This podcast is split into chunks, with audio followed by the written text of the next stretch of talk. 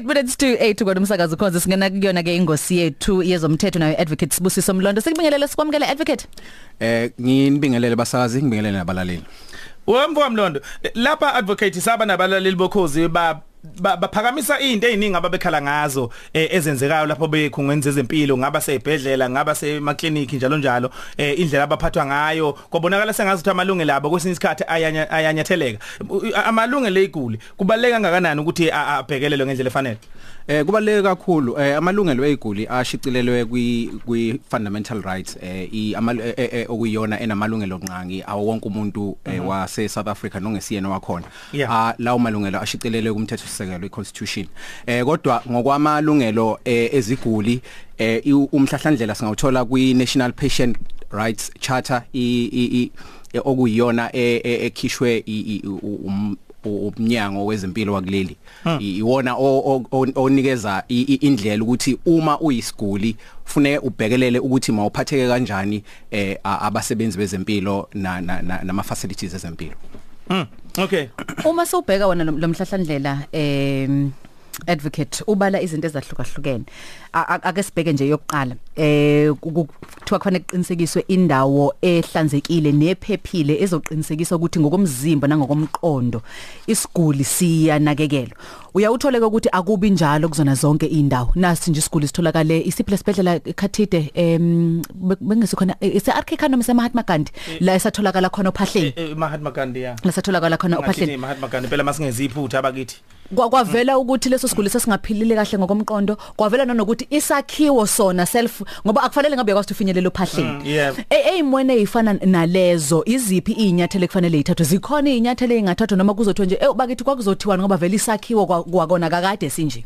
Eh kukabili eh sinongcebo okokuqala eh sibhekelela i ama health practitioners eh abasebenzi bezo bezempilo ukuthi eh iyiphi ingxenye abayidlalile lapho bona? Eh uma sibheka lokho sibheka ukuthi em abasebenzi bezempilo balingene yini iziguli ezikhona ukuthi bakwazi ukuyinakekela ngendlela? Ngoba nomnyango nawo eh une duty ukuthi ukwazi ukuthi wenze ifacility indawo ukuthi ibavumele abasebenzi bezempilo ukuthi bakwazi ukwenza kahle umsebenzi wabo.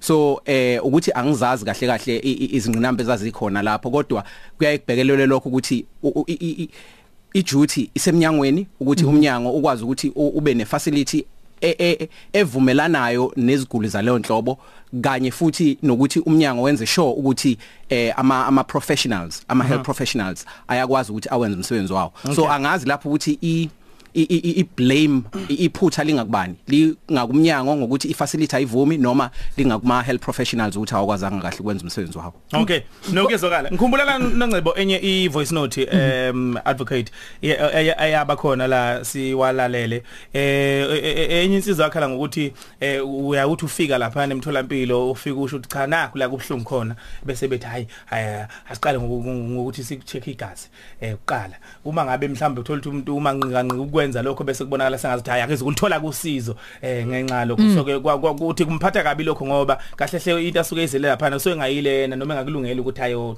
checkwa igazi eh noma hlola igazi kuthiwani isimene sinjengaleso eh esimene sinjengaleso abasebenzi bezempilo baphoqelekile ukuthi uma ekwelapha akutshele ukuthi em ngisola ukuthi nokuthi eh okoqala uma ekwelapha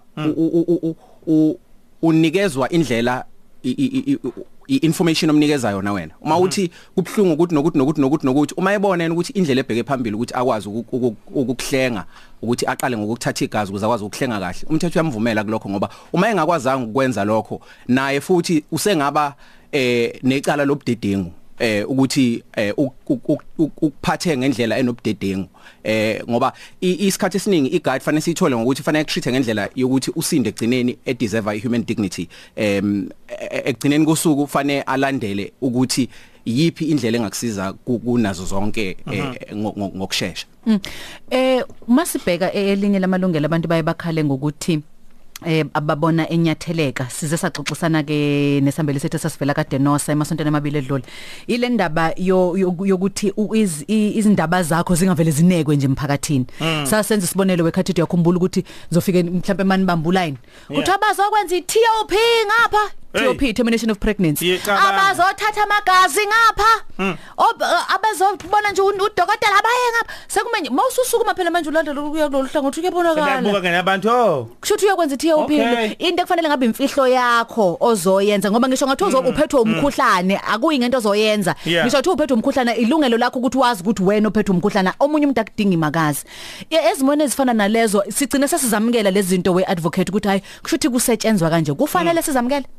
Em ngizoqala lana nje. I i- umhlahlandlela we we we- wokuphatha kweziguli human i- i- National Patient Rights Charter eh iyakuhlaba lokho ukuthi eh akufanele isiguli nesiguli sinelungelo le privacy eh ukuthi eh ukugula kwaso kungaziwa abanye. Eh uma kuukuthi ikhona indlela ukuthi eh kungagwemeka ukuthi umuntu ugcine kubonakala ukuthi eh, eh, eh, eh, uphethwe yini kubone nabanye abantu eh ke kufanele kugwemeke lokho. So eh okuqala nje ngisho ukuthi akuvumelekile lokho. Kodwa ke eh, umuntu mayebhekelela iminyango yethu ezempilo i- ziningi izinto eziyazenze lokho eh, enye sike sakhuluma ngayo eli ukuthi eh, i- i- staffing ukuthi ba- ba- banele yini abantu abangakwazi ukuthi ba- ba- babheke umuntu one on one bangagroupwa abantu ngendlela abagroupwa ngayo bese kuthiwa omunye nomunye akashone ngapha. Okay nokuyezokala sisiphethe nje ke mfowethu M- mhlambe ikuphi abangakwenza abantu mangabe bebona ukuthi ilungelo labo sengathi liyanyatheleka Eh i i i- i kuyo i National Patient Rights Charter ku- ku- ku- kune provision eh o- o- o- isibonelelo sokuthi umuntu mayenganelisekile uyakwazi ukuthi a- a a- a complain ku Health Professional Council of South Africa and and nasemnyangweni and eh, unelungelo futhi lokuthi ezwe lezo eh, uma kuukuthi une complain eh, o- o- oyibekile ukuthi eh i- icubungulwe investigatewe Yeah. and kube no action othathwayo ngayo. I- i- ilungelo lelo eli- elikhona kwi kwi National Patient Rights Charter. Okay. Advocate siyamakhulu mfowethu kuhlala kwinto ozokhuluma nawe. Sithemba ukuthi abalali bethu kuninga abakuhlomlile eh, namhlanje engosini yethu ethi yazi ngelungelo lakho nesidlo sasekuseni. Ngibonge nami.